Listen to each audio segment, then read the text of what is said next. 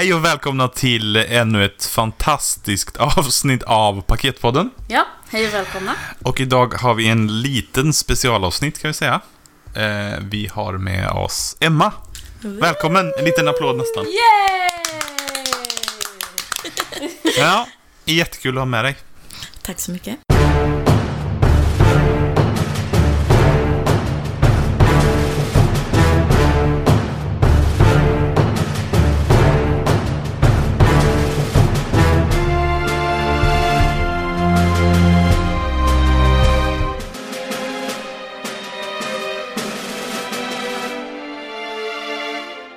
Vi har ju tänkt i dagens avsnitt att prata om synen på typ sexualitet i... Du kan väl nämna lite kort där med hur gammal är du?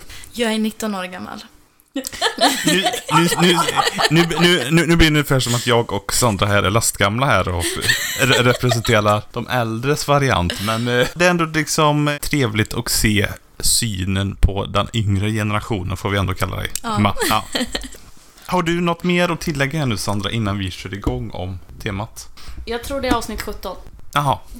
Ja, det kan det nog vara. Om du frågar mig så kommer jag inte ihåg vad du sa, men... Som den proffspodd vi är så eh, skickar jag ju lite frågor till dig, Emma, i förväg.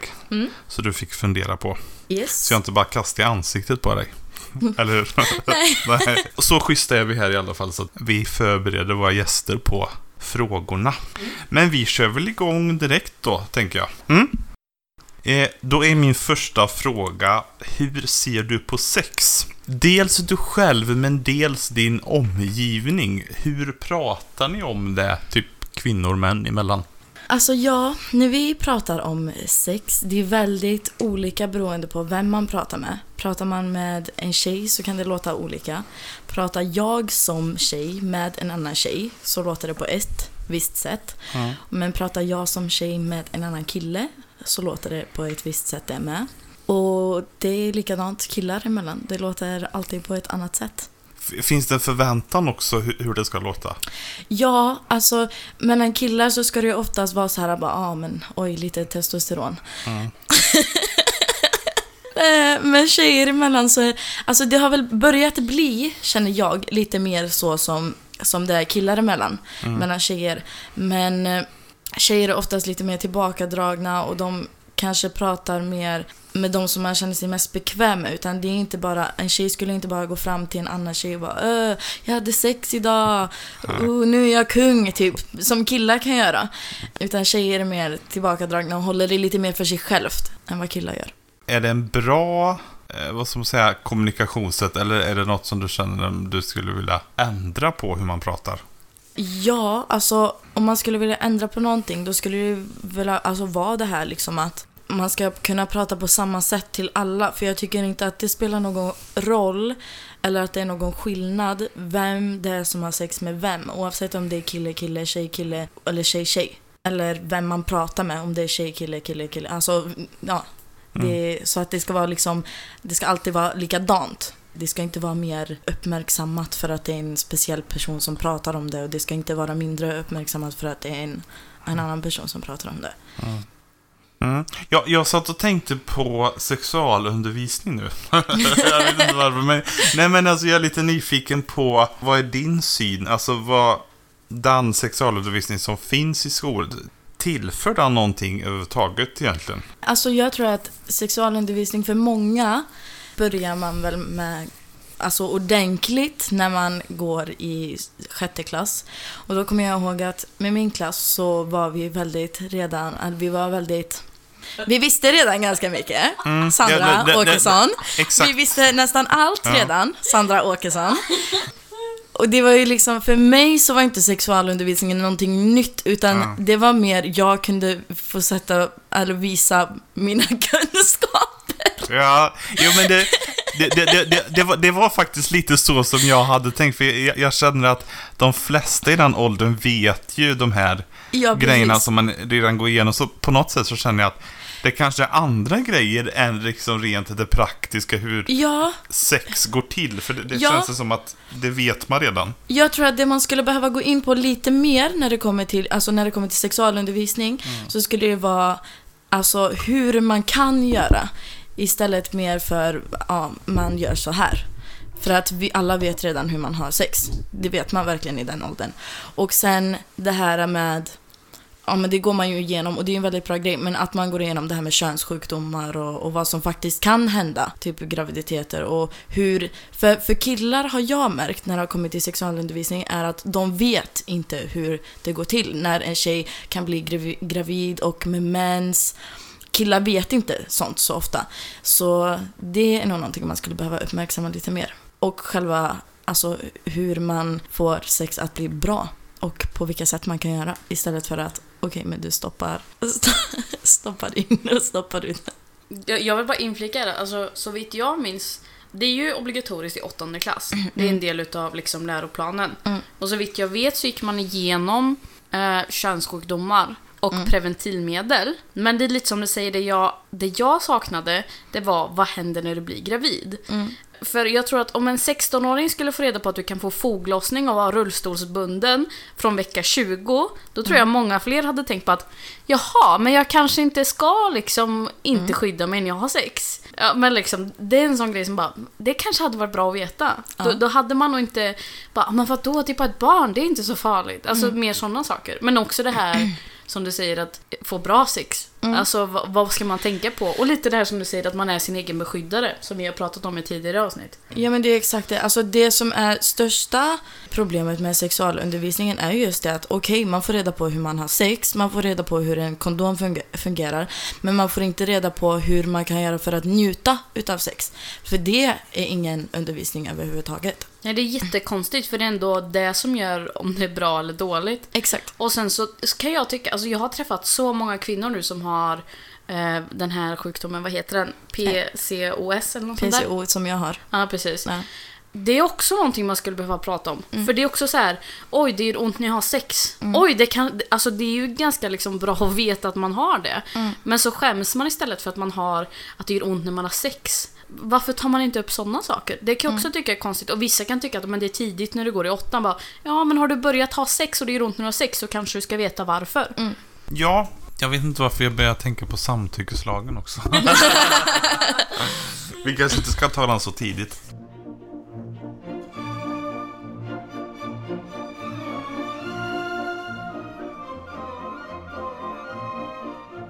Jag skrev öppenhet? frågetecken också. Det jag tänkte på var nog mer, alltså dels kanske kompisar emellan, men jag tänker i allmänhet. Hur liksom öppet är det att prata om? Om sex. Mm. Jag tycker att det har blivit väldigt öppet. Nu är jag väldigt ung, men bland mina kompisar så är det, det är väldigt normalt att prata om sex. Och det, man berättar oftast vad som händer, hur det går till, vilket jag tror, nu kan inte jag säga alldeles för mycket eftersom att jag faktiskt inte vet, men jag tror att förr i tiden så kanske man sa att ah, men jag hade sex. Medan man nu faktiskt kan gå in på detaljer och berätta mer om hur man själv tycker om det och vad den andra gjorde som man tyckte var bra eller hur, hur det gick till.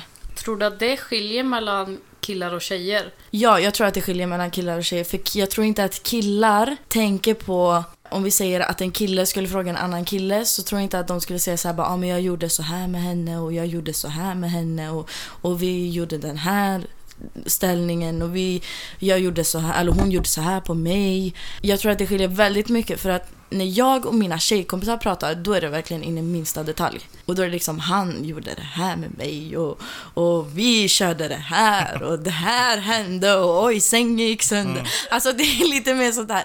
Om, till exempel om vi säger så här två personer skulle ha sex, en tjej och en kille skulle ha sex. Sängen skulle gå sönder.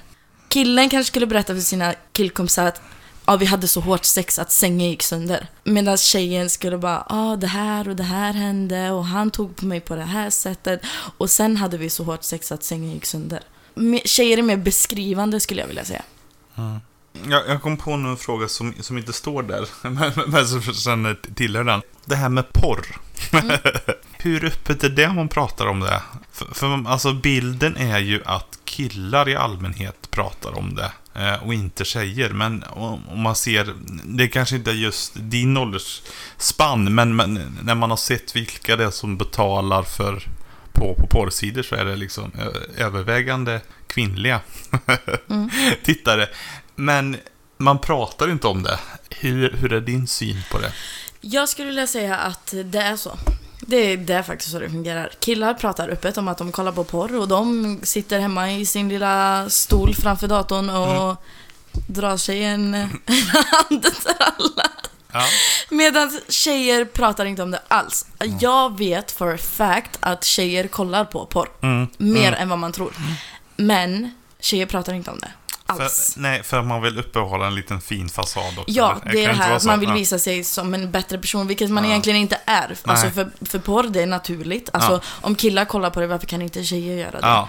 Och jag tror att många tjejer faktiskt behöver, precis som killar, någonting för att kunna komma någon vart. Mm. Så det är, det är en väldigt konstig inställning. Alltså varför man vill till varje pris hålla upp den här fasaden med att man inte ska säga att man kollar på det. Ja. Tror du det skiljer sig i vad man tittar på, alltså vad man är intresserad av att se som kille i förhållande till tjej? Ja, för att jag vet att tjejer tänker på ett annat sätt än vad killar tänker. Jag vet att jag har faktiskt pratat med det här, eller om det här med en vän. Och då är det väldigt ofta att killar, okej men de gillar att se tjejer in action. Det är väldigt mycket lesbiskt som de kollar på. Alltså heterosexuella killar. Och då är det oftast, ja, de, de kollar på lesbisk porr. Medan tjejer kan kolla på man, kvinna som har sex. Fast de tänker på ett annat sätt. De tänker inte att aha, nu, tar, nu, nu får hon det här. Utan de tänker sig mer in i tjejens position. Alltså att de ser den här mannen göra det här till den här kvinnan och då tänker de sig in i hennes position. Att till exempel som att de är henne. Mm, men det är likadant, för alltså killar tänker ju sig själva i mannens syn oftast. Mm. Fast killar gillar också att se mer när tjejer njuter. Därav kollar de mycket mer på lesbisk porr. Mm, för det, det var en fråga. Jag- fascineras över varför, varför heterosexuella killar gillar att titta på just Mm. lesbisk porr.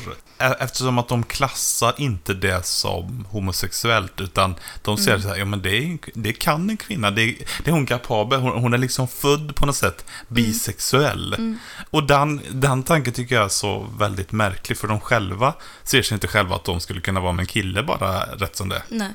Men jag tror att det har blivit mycket mer vanligt nu för tiden att tjejer är med tjejer även fast de inte ser sig själva som homosexuella. För det vet jag väldigt många som inte ser sig själv som varken homosexuella eller bisexuella som har varit med en annan tjej. Och då är det oftast vänner emellan, väldigt nära vänner. Mm. För att de, jag vet inte, antagligen är sexuellt frustrerade. Och då anser väl de att de kan lösa sitt problem med sin bästa vän. Mm.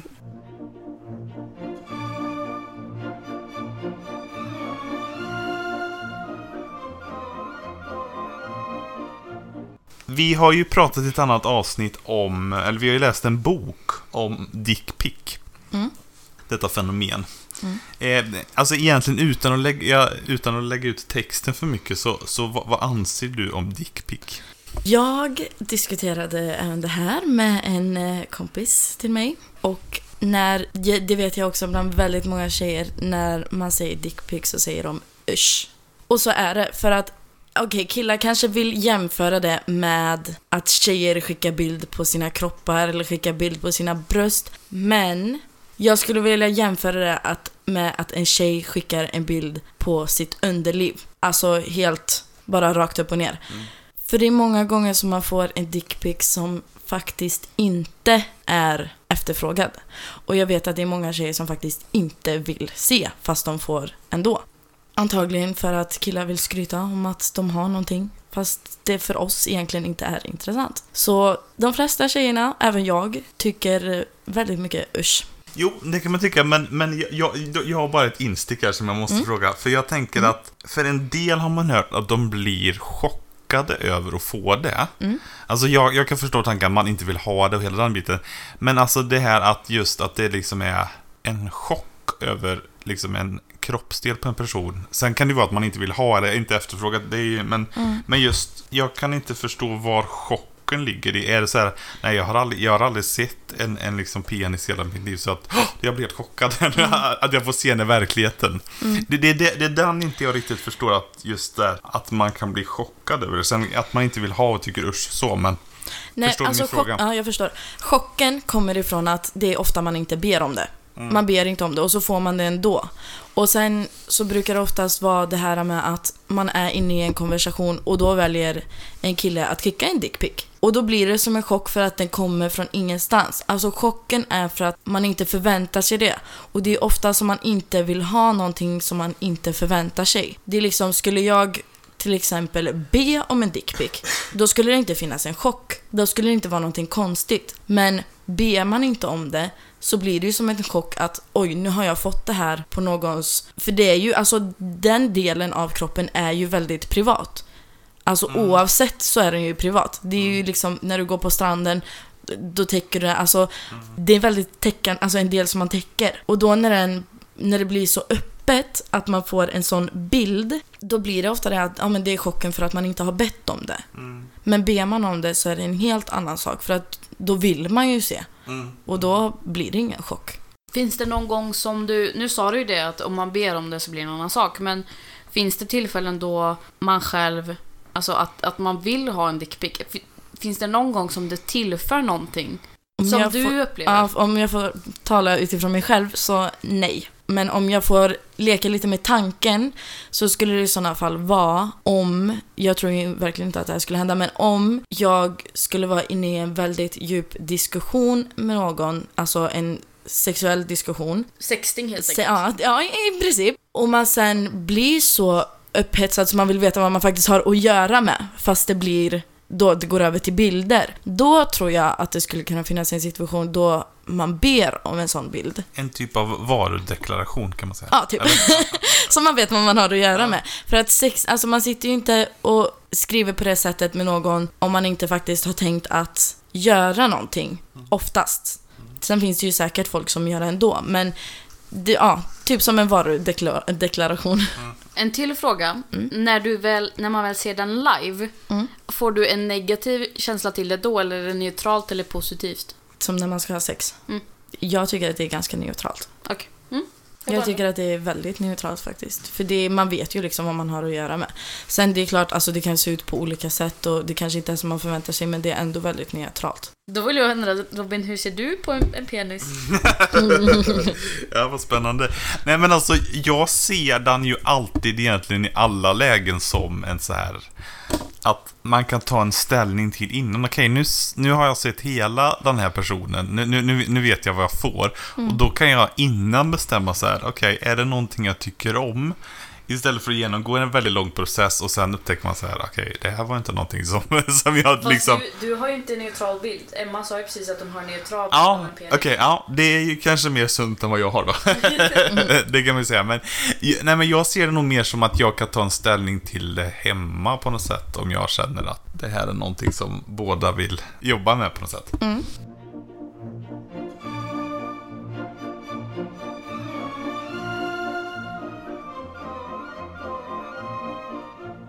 Den frågan jag hade var om du märker någon skillnad i responsen man får när man säger att man har haft sex. Vad man får för reaktion om du, pratar, om du som tjej pratar med en tjejkompis, om du pratar med en killkompis eller om det är två killar. Alltså hur det ser ut och hur man värderar det att, att få ligga liksom. Jag vet att många tjejer är mer bekväma att prata med sina tjejkompisar än att prata med sina killkompisar om just sex och när de har haft sex och hur det såg ut och hur det var. Och jag tror att det blir lite sånt för att vi är fortfarande i, i det här samhället då vi ser män och kvinnor, pojkar och flickor. Det, vi ser inte människor som människor eller personer, utan vi skiljer på könen. Och då blir det en sån grej att okej, men för en tjej så känns det på ett sätt och för en kille så känns det på ett sätt. Och då håller man det inom sin, sitt kön liksom. Men jag tänker så här, vad blir reaktionen du får? Alltså vad får du för eh, respons när du säger att ah, jag har haft sex? Ja, det beror ju väldigt mycket på vem man pratar med faktiskt. det, det, beror, det gör det. Det beror väldigt, väldigt på vem man pratar med. Men skulle man säga, om man pratar med en tjejkompis, då blir det mer såhär bara, ah, hur var det? Vad hände? Var han bra? Medan man pratar med en killkompis så kanske de är mer bara, aha, okej. När det är en tjej som pratar om sitt sexliv, till, alltså till en kille. Det är fortfarande så alltså? Det är fortfarande så.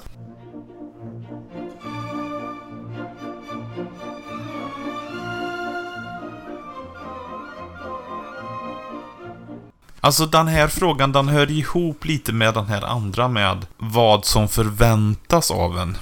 Mm. Tänker jag. Alltså rent... Ja men alltså det här som jag sa där att, att vissa killar förväntar sig att du ska kunna bara vara med en annan kvinna sådär och, och du liksom sådär. Men finns det andra förväntningar allmänhet som du känner att det är väldigt höga krav på att man ska göra? När man har sex Ja. med en ny person. Ja, att det, att det finns liksom vissa sådana här punkter som ska liksom göras. Ja, det tycker jag. Det finns krav. Vad jag vet, nu kan jag inte tala så mycket från egen erfarenhet, men vad jag vet och vad jag har hört, det är att killar förväntar sig att en tjej ska kunna rida jättebra. Det är nästan ett måste för alla killar. Det är en väldigt, väldigt, väldigt viktig grej. Och jag vet inte riktigt varför det beror på. Det är väl för att då är det kvinnan som gör det mesta i princip. Så det, det är väl en av de största förväntningarna. Och sen så är det ju förväntningar på, för, väldigt mycket förväntningar på kropp, hur man rör sig, hur, man, hur självsäker man är. Killar vill ofta ha tjejer som är väldigt självsäkra och vet vad de håller på med. De vill ofta ha erfarna tjejer som inte har haft sex. Eh, alltså vill de ha någonting som inte finns. De vill ha någonting som inte existerar. Men det, det är ofta så det är. Men jag tror att det är en grej också som är för att de vill, de vill också vara bättre i sängen än vad en tjej är. Så de vill ändå ha den här erfarenheten fast de vill ändå inte ha det. För att de vill veta att de själva är bättre än tjejen så att de har någonting att ge. Tror du att det kan bero mycket på också att man inte pratar så mycket om det innan? Ja. Alltså att man inte har någon öppen kommunikation innan om vad man har för förväntningar och vad man, hur man ser på sex. Utan det är något som bara telepatiskt man ska veta på något Mm. sätt när man väl kommer dit. Men he hela vägen innan så har man ingen diskussion om det liksom. Utan det, det blir bara i själva typ sängen liksom. Mm. Jo, men det är så. Sex blir väldigt mycket bättre om man pratar om det innan. Och jag skulle vilja säga att är man i ett förhållande och har sex, då har man ju en ganska bra tid på sig att lära känna varandra. Och därför, efter ett tag, så blir sexet väldigt bra. För att då har man ju på ett sätt kunnat prata om det och man har provat på det så många gånger med sin partner. Så då vet man vad man tycker om. Om man skulle ja, ha ett one night stand, då känner man inte personen på samma sätt och man har inte hunnit, hunnit prata om det eller hunnit lära känna personen man ska ha sex med på den nivån så man vet inte vad varandra tycker om utan man bara gissar sig fram. Och därför tror jag också att one night stands är mycket dåligare än när man har sex i ett förhållande. För att man lär känna varandra så bra och man vet vad man tycker om. Och det är liksom det, skulle man ha det här samtalet innan man har sex då, om man har ett one night stand så skulle sexet vara mycket, mycket bättre. Mm. Jag tänker också på att man har en slags kommunikation i allmänhet emellan sig med alltså vänner och sånt också. Mm. Så man kanske känner sig mer säker på sig själv. Mm. För ofta kanske man inte har någon att prata om. Eller, eller med, med liksom vad, vad som är okej och inte okej. så att säga. Mm.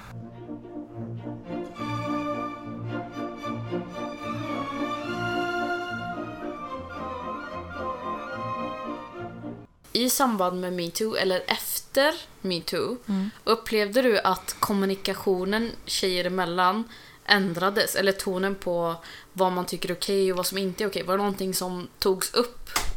Jag vet faktiskt inte så jättemycket om det där.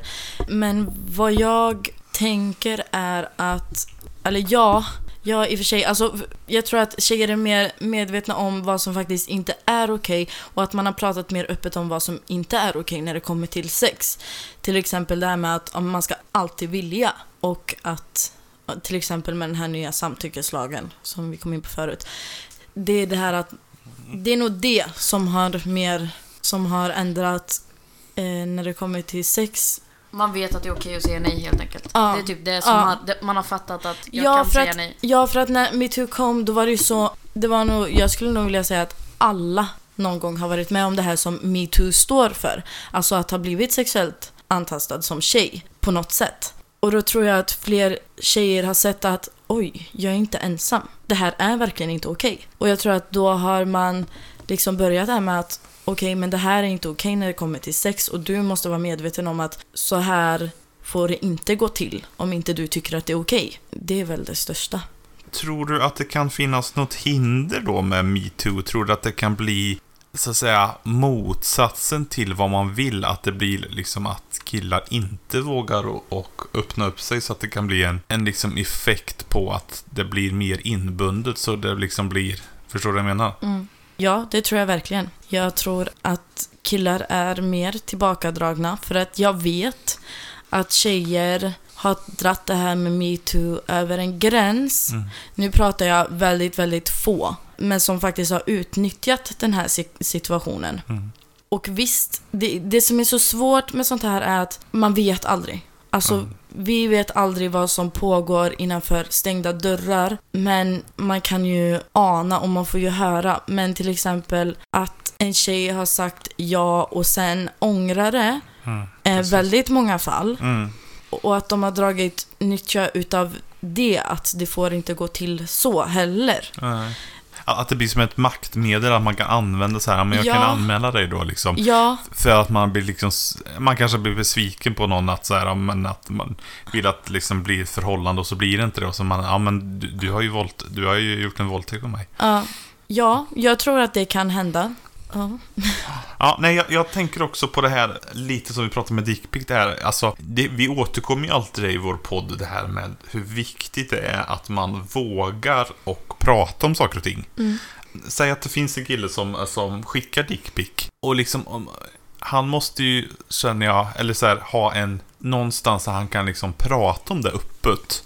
För om man inte kan prata om och få en, en liksom acceptans och ändå liksom för en diskussion om det, då, då kan ju liksom, då kommer man ingenstans med någonting egentligen. Det, det är egentligen samma med liksom metoo, att man vet att, ja, jag säger hur jag tänker, men då kommer, all, då kommer alla kvinnor att kalla mig för patriarkat mansgris. Förstår du?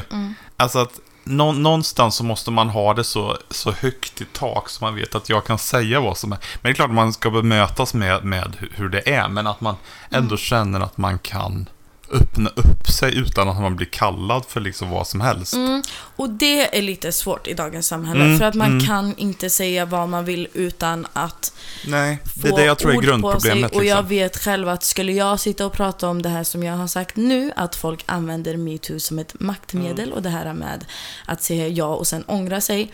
Det vet jag att det finns jättemånga som kommer sitta där hemma nu och det kommer klia i deras fingrar.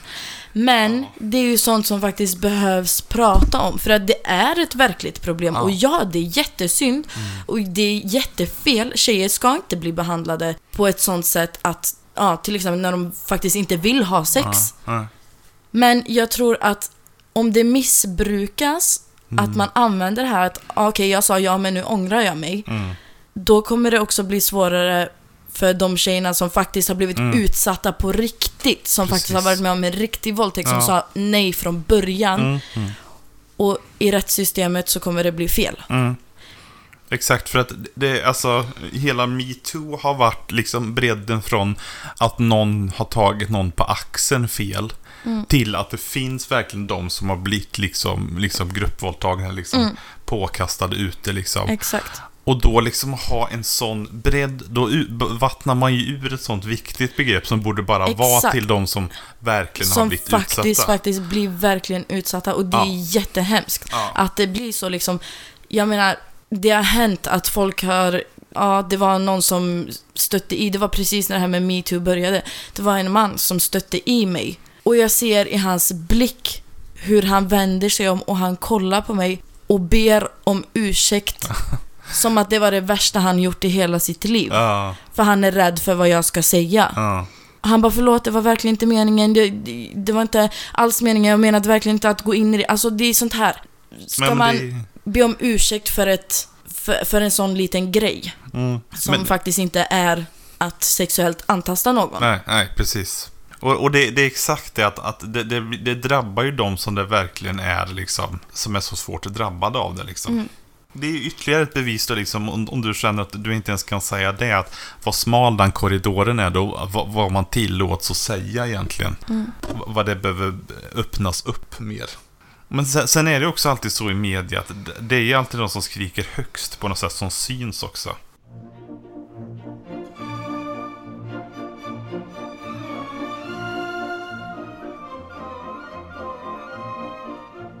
Jag har skrivit vad din generation, hur ser ni på, på liksom dagens feminism? Tycker du att den hjälper till någonting eller är den bara ett, ett hinder? Dagens feminism. Mm. Alltså jag tycker att den hjälper till. Det gör den. Men sen så tycker jag ofta, många gånger, att man överdriver det här också. För att feminism, förr i tiden, då fanns det verkliga problem. Då var det riktiga, riktiga, alltså allvarliga problem. Kvinnor fick inte rösta, kvinnor fick inte göra det här, kvinnor skulle göra det här. Det var väldigt mycket, männen har all makt över kvinnorna. Medan nu så är det, okej, vi har mansdominerade yrken, det sker våldtäkter. Och ja, det är ett problem, men jag tror att vi på många, eller många gånger överdriver den här situationen som vi har nu. Eller inte överdriver, men att vi använder den här situationen vi har nu och gör den till någonting som är så mycket värre. Och istället för att kämpa mot problemen så är det det här att skrika högt och att det, det, blir ett, det blir ett problem. Att man Visst, det är bra. Feminismen behövs finnas. Det gör den verkligen. För att det är fortfarande inte jämställt i samhället. Men det är inte på samma sätt som det var förr i tiden då feminismen var viktigare än någonsin. Nej, precis. För att då hade man ju liksom praktiska hinder på något sätt med Mm. liksom... Men, men, men idag har vi ju inte det och då blir det bara på något sätt en eh, mora, eh, moraliserande över liksom tankar, tycker Mm. jag. Eh, och samma det här att feminism tycker jag borde vara för jämställdhet, inte för att det ska vara Exakt. liksom kvinnlig dominans, som jag tycker är... Det, det är det jag tycker är lite problemet med själva ordet feminism. Jag Mm. skulle aldrig någonsin kalla mig för feminism. Visst, jag är för kvinnors rättigheter. Det ska vara jämställt. Mm. Punkt. Mm. Det ska vara lika mellan Mm. man och kvinna. Eller personer, som Mm. jag hellre säger då. Jag vill inte se på människor som man och kvinna. Det här är en man och det här är en kvinna. Du ska göra det och du ska göra det. Ni är båda två personer och ni ska göra samma sak. Mm. Och därför skulle jag aldrig kalla mig feminism, feminism för att ordet feminism är så feminint. Det är liksom feminism. Mm. Då skulle jag hellre vilja liksom säga att ja, men jag är för jämställdhet. Mm. Det är jag. Och visst, vissa säger att okej, men ordet feminism är för att det är kvinnorna som är undertryckta och nu vill, vi, nu vill vi höja dem. Och därför använder vi ordet feminism för att man ska veta att det är kvinnorna som ska höjas. Fast redan där tycker jag att man gör fel som liksom säger att ja, men kvinnorna ska höjas. Okej, men männen behövs också höjas. Vi kan inte tro att kvinnorna ska höjas och männen ska sänkas. Ja. För det är inte så det ska gå till. Ett samhälle ska vara jämställt. Det ska vara exakt lika mellan man och kvinna. Nu är det ju inte så. För nu är det, ja, männen har fortfarande lite mer makt än vad kvinnorna har. Men samhället ska se ut så. Det ska vara lika. Det ska vara jämställt. Man, kvinna, skitsamma. Personer. Båda är personer. Ja, precis. För det, det, alltså, när det är jämställt så ska det vara 50-50. Men alltså, Fi tycker liksom att det ska vara desto mer kvinnor, desto mer jämställt. Tycker de det? Så, som det är liksom så här 90-10. Då, då ser de som att det är mest jämställt. Så att eh, har man den utgångspunkten, då blir det ju bara på något sätt någon slags hämndteori för mig, tycker jag. Att man säger, okej, ni har gjort så här, nu ska vi liksom hämnas på er, så då, då ska vi göra precis likadant tillbaka. Och då kommer man då kommer man ingenstans överhuvudtaget, för då blir det bara någon slags krig emellan bara, när man liksom ska ställa män mot kvinnor istället för att samarbeta mot att man ska ha lika villkor istället. Mm, jag tror inte att man ska samarbeta mot. Jag ska tro att man ska samarbeta med. Ja, jo, Ja. det är precis, exakt. Ja, precis, samarbete För då tror jag att det blir, ja. blir ett bättre samhälle. För att om kvinnor hela tiden ska gå runt och vara arga och nu vet ju inte, jag kan inte så jättemycket om feminism så jag ska egentligen inte yttra mig så jättemycket. Nej, nej. Men om kvinnor vill ha ett jämställt samhälle så tror jag att man borde börja jobba med Mm. män. Och då tror jag det är jätteviktigt att man, ja, att man jobbar med, att man gör det tillsammans. För att det kommer aldrig funka att man ska jobba mot någonting. Nej. Utan det är bättre att man jobbar för någonting. Mm. Och då borde vi jobba för ett jämställt samhälle, för personer. Ja, precis. Att man liksom tillsammans har en gemensam historia, eller liksom berättelse om vad är det vi vill för någonting. Ja, Och att, att alla ska komma med på den. Och jag, tänk, jag tänker liksom, förr i tiden så var det ju det här bara, ja men nu har de här, det finns jättestora kvinnor som har lyckats med att göra det här och det här och det här för kvinnor. Fast tänk om man i framtiden skulle kunna säga, okej, kvinnorna var undertryckta, men kvinnorna och männen tillsammans upprättade samhället och gjorde det jämställt. Hade inte det låtit mycket bättre än att den här gruppen av personer gjorde det här och de andra stod mot de här, Mm. mot den andra gruppen. Om man istället skulle liksom, jag tycker att det låter som en bättre historia och det låter som en trevligare historia. Att kunna ja, berätta om att man har gjort någonting bra tillsammans för samhället, för världen. Men är det något som du känner att man pratar om i liksom så här kompisar emellan? Alltså sådana frågor? Ja, det tycker jag. Sen beror det ju på vem man pratar med. Vissa är mer eh, engagerade i feminismen än andra. Jag själv väljer att avstå och prata om sånt, för det kan bli väldigt känslomässigt laddat. Så jag brukar inte yttra mig så ofta. Men jag berättar oftast vad jag tycker och det är att jag vill se människor som personer och inte som olika kön.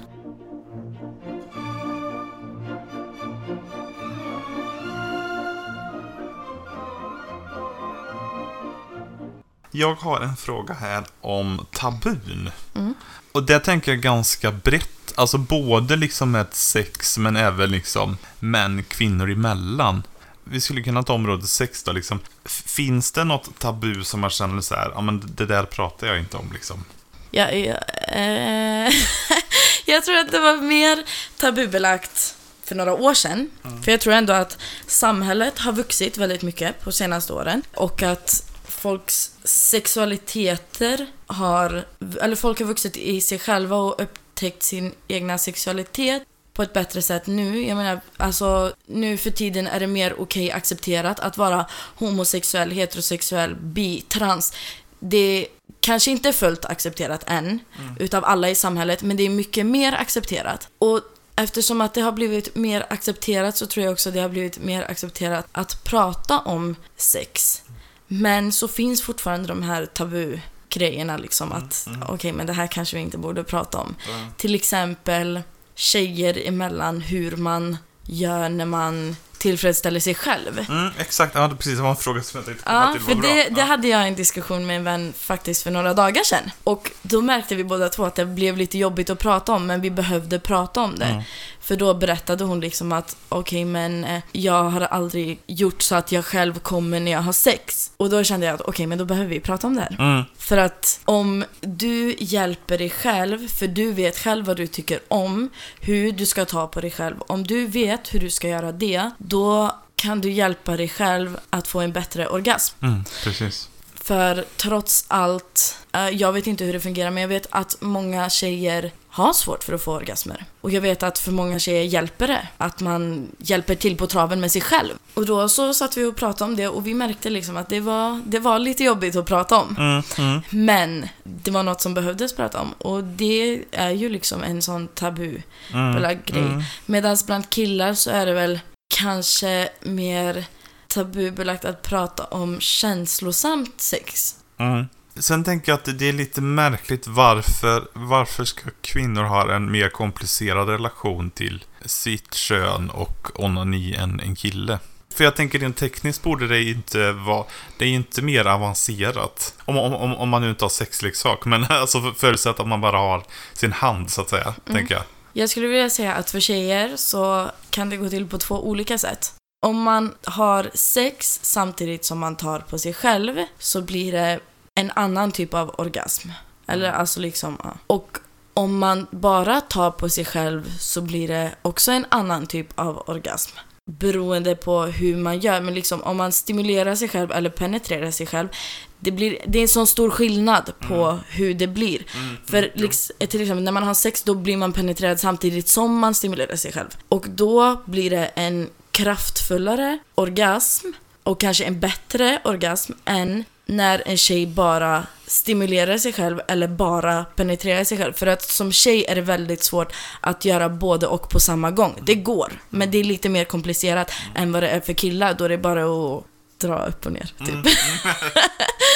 För, så för tjejer så är det faktiskt lite mer komplicerat Ja. och jag tror att det är svårt för tjejer också, speciellt i den unga åldern innan de lär känna sig själva, Mm. att veta vad det är som ska stimuleras. För vi har trots allt två stycken ställen som behöver stimuleras för att få den fulla eh, Mm. upplevelsen. Mm. Jo. Medans, Eller kan man nöja sig med en lägre nivå kanske? alltså i, i liksom... Jag tänker ja det kan i, man göra, men har ja. man upptäckt den andra nivån Ja, sen jo, det är klart. Ja. Men så tror jag det är även, det är ju så även för killar också att om man sex eller penetrerande så är det, det är en annan nivå. Mm. Så är det ju. Än om man gör det med sig själv. Det är klart att det är en lägre nivå. Men, men kan det också vara att, vad ska man säga, kanske kvinnor har varit dåliga på att marknadsföra sin egen onani på något Ja, sätt? Verkligen. Ja. Och det är ju just det här det är ju därför, där kommer ju också det här med feminism in. Och gör en väldigt bra grej som liksom visar att det här är okej att prata om.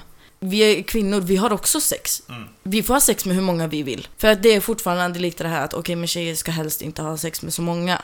Det ska, de ska helst vara med en och samma person. Fast då kommer ju liksom det här med feminismen in och säger att nej, stopp. Du Mm. får vara med hur många du vill. Och Men- det är ju en bra grej i feminismen, tänker jag. Mm. Eh, om vi går tillbaka till, till den. Ja, men precis. Men jag, jag tänker också att man borde uppmuntra både kvinnor och män, tänker jag. För att det finns också en sida där man ser mm, att när män, liksom, eh, alltså manlig onani ses, kan ses också som att, ja men den där personen är ensam, åh vad tragiskt och liksom så här. Att man ser det så, att man liksom, och eh, lite liksom glorifierar också å andra sidan kvinnor att Alltså det, det finns ju lite så här jargonger mellan killar så det. Men det jag tycker är konstigt det är att tjejer också har den, eller att en del också hejar på det synsättet. Ja, jag tycker absolut att det är fel att man eh, gör så. För För det borde uppmuntras mer om man Ja. tänker att ma- man ska, att man Jag ska tänker- få utlopp på ja, så jag många tänker sätt så som här möjligt. att både män och kvinnor har sexuella behov. Eh, och precis som en kvinna behöver en man få utlopp för sina sexuella behov. Han behöver också an- onanera, precis som en tjej. Mm. Om de känner den, alltså det behovet. Men, ja, så jag, nej, jag förstår faktiskt inte varför, varför tjejer ska glorifieras medan män ska tryckas ner på den fronten. Nej. Jag tycker att det ska vara lika. Och som vi har pratat lite om i just, även i parrelationer, att, så här, att man, det kan ofta vara att en kvinna kanske inte vill, men samtidigt så säger så här, nej men du får inte göra med dig själv heller. Eh, det är också ett väldigt konstigt synsätt så här att, okej, du vill inte, alltså, du vill inte ha sex, men samtidigt så förbjuder den andra att göra det med sig själv också. Det blir på något sätt en dubbelbestraffning kan jag känna att, om man, om man nu liksom inte vill att ha sex så borde man ändå kunna säga, ja men du får jättegärna göra det med själv om du vill, om du känner att du har en sån drift liksom. Mm. Det, det borde ju uppmuntras mer då till sådär att, att han ändå får utlopp för sin drift. Om vi, om vi ska syntolka här då lite för de som inte är här så ryggade Emma tillbaka bara, "Vad fe- vem, vem säger så? Jag vill bara få med det. Nej men alltså verkligen. Jag är faktiskt lite i chock. Det visste jag verkligen inte gick till. För jag menar, jag var i ett fyra års långt förhållande och då var det väldigt uppmuntrande det här med att okej, men nu kan inte vi ses på jättelänge. Gör din grej, typ. Mm. Ja, Det var verkligen inte det här att okej, nu kan inte vi ses på jättelänge. Du får inte... Du får verkligen inte göra någonting med dig själv, utan du... Det, Ja. nej, stopp. Det fanns inget sånt. Men jag, jag vet ju en kille som jag dejtade ett tag. Som han valde att sluta och vara med sig själv för han tyckte han skulle spara sig till vi sågs. Det, den förstår jag faktiskt. Okej. Han slutade och var, ja, men den, nej men den förstår jag. För att jag tror att jag skulle kunna göra samma. För att då blir det mer den här sexuella längtan, förstår du? Då har man inte fått utlopp, ja, utlopp för sina sexuella behov. Och då är de så mycket större när man väl ses. Så den förstår jag, men jag förstår inte det här med att man förbjuder sin partner från att tillfredsställa sig själv. En annan fråga. Porr i förhållande, hur ser du på det? För mig så tycker jag, jag tycker inte det är fel överhuvudtaget. Jag tycker att det, det är normalt. Det är så här, okej visst kanske det är bättre om vi säger till exempel nu jag skulle ha en kille och om vi skulle eller om vi inte skulle ses på länge och han behöver få utlopp för sina sexuella behov och tillfredsställa sig själv. Visst kanske det skulle vara bättre att han skulle få någon bild från mig, förstår du? Det kanske känns bättre för en tjej att veta att okej, men han blir tillfredsställd genom att kolla på mig och får utlopp för sina sexuella behov. Men jag tycker ändå inte att det är fel, för att behöver man få utlopp för sina sexuella behov så behöver man. Och alltså jag menar, porr, det är så, det finns inga känslor inblandat i det. Det är inte så att en, ens partner i ett förhållande kommer sitta och titta på porr och bli kär i personen som har sex med en annan framför ögonen på en. Jag vill bara inflika med det att det finns även kvinnor som ser det nästan som otrohet med när män gör det med sig Ja, jag själva. vet. Ja. Det, det är också väldigt spännande på något sätt. Fast då tänker jag så här. Vill du hellre, för att både män och kvinnor har sexuella behov. Vill du hellre att din partner ska gå och doppa sin kuk i en annan tjej än att tillfredsställa sig själv? Ja, Eller precis. tvärtom. Ja, det är exakt den frågan som man vill ställa. Det är lite så jag känner Mm. faktiskt. Sen kan vi ta den här diskussionen som eh, från vår resa säger att om du inte respekterar personen du vill vara med då är det nog bättre att dra en, en runk istället. Jag tycker det är, det är så väldigt fint synsätt. Och det tror jag är jätteviktigt att många, när de skaffar barn, måste prata med sina barn om. Att du ska respektera den du är med. För att det, det här är någonting som verkligen är tabubelagt. Att prata om sex med sina barn. Nu gjorde ju den här kvinnan det och liksom sa att okej, om du inte gör, om inte du respekterar så sätt dig och runka istället. Men och jag, jag, tror, tror, jag tror att det är viktigt att man pratar med sina barn och liksom säger att du, måste, du ska respektera din partner. Eller jag- den du ska vara med. jag tror också det är viktigt att man börjar tänka på att det är bättre att göra det med sig själv än att vara med någon som du inte respekterar, någon som du ser Exakt. som ett objekt, för det ger ingenting i längden ändå. Exakt. Och då, då blir det också ett sätt att ta bort den här synen på att du ska, alltså, för då vänder man lite på det istället. Ja, och just att eh, varje orgasm behöver inte liksom inkludera en annan person. Exakt. Nej. Utan den, den kan faktiskt vara med dig själv liksom. Och det är inget misslyckande. Nej, Nej, precis. det, det är det man måste bara bort ifrån. Och, och som, för, för att liksom anknyta lite så här att om, om vi bara skulle ha ett öppet klimat och prata om det så skulle vi inte behöva ha en samtyckeslag heller. Exakt. Om man skulle kunna göra det så lätt. För, det, för, det, för, det är Men världen är komplicerad. för, det, för det är faktiskt inte svårare än så. Liksom, pratar man bara med varandra så, så, så, så slipper man den. Det är det som gör att det blir så mycket fel, att man inte har kommunikationen. Mm. Man ska ha en, eh, en varudeklaration som, tänk dig en Tinder-matchning, men där du går ut och du letar engångsligg och du säger jag vill ha det här, det här och det här. Sen så matchar man med folk utifrån sexuella, sexuella preferenser. Ja, tänk, men- tänk den världen! Ja, det vore ju fantastiskt. Alltså, då, då, då, kan du, då kan du helt skräddarsy exakt vad, vad, vad du vill ha liksom. Fa- Fast Sandra, det, det blir lite som att liksom, internetshoppa på något sätt. Att Ja, du men liksom- det, det är ju dit vi är på väg, varför inte? Släpp, släpp behoven fria!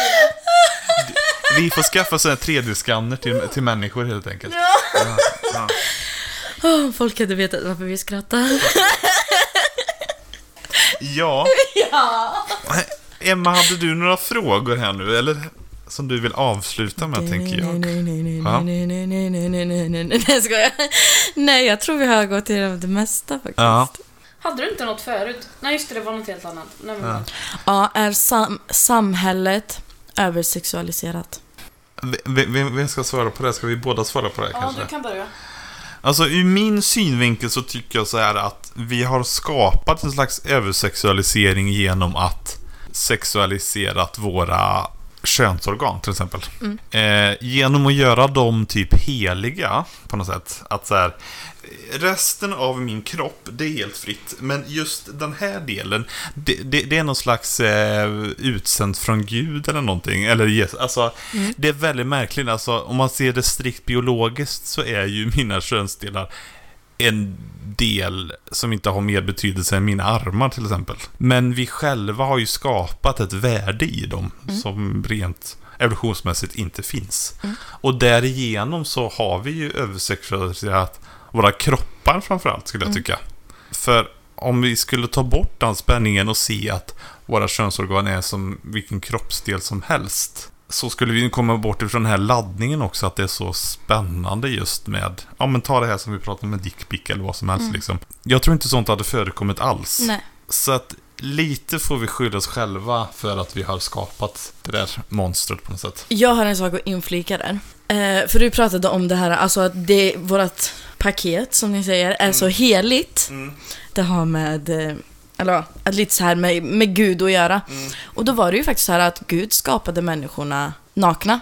Men Adam och Eva åt av frukten och fick då ett samvete. Eller kan man säga så? Samvete. Jag vet inte. Och Ja, då om kände man nu de... tror på, på Ja. skapelseberättelsen. Ja, ja, ja, ja. Nej men och då, nej, men jag tror att det ligger en del i det här också. Och Mm. då liksom kände de att de behövde täcka sig själva. Men innan dess så behövde de inte det. Ja. Utan, för att då kom ju Gud och sa det här att okej, men varför skäms ni? Ni ska inte skämmas. Ja. Och visste du att de hade ätit från den förbjudna frukten? Ja, nej, men jag, jag tror det på något sätt. Om vi hade haft en mer, eh, sett kroppen som den är och, och inte delat upp den i de här delarna som vi gör nu. Nej, exakt. Så, så, så tror jag att vi hade haft en helt annan syn och en helt annan avslappnad synsätt på oss själva och andra. Fast jag tror ändå att det är någonting som man faktiskt jobbar mot. Mm, mm. Att man jobbar för. Ja, ni kan väl bara hoppas. Ja, för att det känns ändå som att det blir mer och mer neutraliserat. Jag håller ju med Robin i det han säger, men jag har också ett annat perspektiv och det är det här hur vi ser på sex. Alltså det faktum att det fortfarande är en så stor grej. Att, eh, och, och det är både i den positiva och den negativa aspekten. Men nu- efter metoo så blir det ju mer alltså, negativt inriktat. Förstår du? Alltså man pratar om sex inte bara ett positivt synsätt att yes, jag fick ligga. Utan det är också att sex kan vara dåligt. Och vi, vi rör oss så mycket kring sex. Det är hur du ska se ut, det är kroppsdelar, vad man får och inte får ta på. Ideal. Och det är det faktum att man är duktig för att man får till det. Alltså Mm. det är liksom en så här, åh jag har varit på jakt och jag har lyckats få ligga och det är någonting bra. Alltså det, så mycket i, i vad vi gör efter, alltså rör sig mot att, att vi ska, mot sexuell stimulans och eh, Alltså vi värderar det så mycket. Det ligger så mycket värderingar, inte bara i våra paket och våra kroppsdelar, utan även i när vi får ligga. Mm. Så det är alldeles för mycket. Bort med alla värderingar bara. Låt folk göra vad fan de vill. Bra svar, bra Mm. svar. Och framförallt kommunicera mer. Vå, Våga och prata och inte stämpla folk som vill ta upp något ämne. Exakt. Så, så, som råkar vara lite kontroversiellt Och nu eller kommer någonting. jag på någonting jättespännande här. Anna Anka kom tillbaka till eh, Hollywoodfruar nyligen. Och i första eh, säsongen så, så, så sa hon någonting i stil med att eh, ja men om min man vill att jag ska gå ner på honom så gör jag det. Och nu så skämdes hon för det. Och det känns som att i och med eh, feminism och så, eller eh, feminism, den feministiska rörelsen, men också metoo, så blir det så här Fokus hamnar mer och mer på att men det måste vara jämställt hela tiden och det måste, man måste alltid ge och ta åt båda hållen hela tiden. När du är i ett förhållande. Alltså, om du gör det ena på det ena så ska den andra personen, alltså om någon får en avsugning så ska den andra bli slickad. Alltså att du, det är en vågskål hela tiden när du har sex, eller när du är med en annan människa. Är ni med på vad jag... Fast, ja. Mm. Alltså det, det finns den värderingen hos vissa människor. Att man måste alltid ge och ta om man ska göra någonting. Mm. Fast det är fel. Det, Det tycker jag är jättefel. Ja, Det är så här, alltså, man, man kanske uppskattar och, och, och, och liksom inte göra det. ja. Nej men tänk, tänk, ja, men tänk om, så här, om någon skulle, som du nu sa, skulle suga av någon och sen så skulle tjejen begära bara, ah, men nu ska du gå ner på mig. Mm. Fast killen verkligen, verkligen inte vill. Då blir ju det ett övergrepp också. Eller att tänk om hon vill ge. Eller tänk om han vill ge men hon inte vill. Alltså Mm. det kan ju vara så att vid vissa tillfällen så vill man bara se sin partner nju- njuta. Exakt. Men man vill inte själv få någonting. Precis. Som, då, det var ju bara snabbt sticka in här att man kan göra en snabbis eh, utan motprestation helt enkelt. Det är jättebra Sandra att du ändrade uppfattning där. Den, Jag vet, jag visste att det skulle komma. Vi kan ta, vi kan ta det off screen. Ja, off air, säga. Ja, vi knyter väl ihop säcken där, eller? Jag tror det, om inte du har något att fråga. Nej, ja, jag Nej. tror jag är ganska klar. Ja. Ja. Vi får väl tacka dig med med en liten sån här eh, Applåd. applåd. Det var jättekul att du ville komma hit. Mm, det blev tack. jättespännande. Tack Ja. själv, jag känner att vi fick med mycket bra grejer nu. Ja men precis, och jag Ja. känner att jag har fått, ehm, förståelse för den kvinnliga, kvinnliga sexualiteten som ligger utanför mitt, eh, min kunskapsområde. Mm. Mm. Eh, är det nu så att ni reagerar någonting på det här så kan ni skicka in lite frågor och sådär. Var skickar man då, Sandra? Antingen så söker man på oss på Paketpodden, och det är en vanlig sida, så det går att skicka ett meddelande på Facebook. Eller så skickar ni ett mail till paketpodden gmail.com. Bra, då säger vi hej och tack helt enkelt. Ja, hej då! Hej då! Hej då!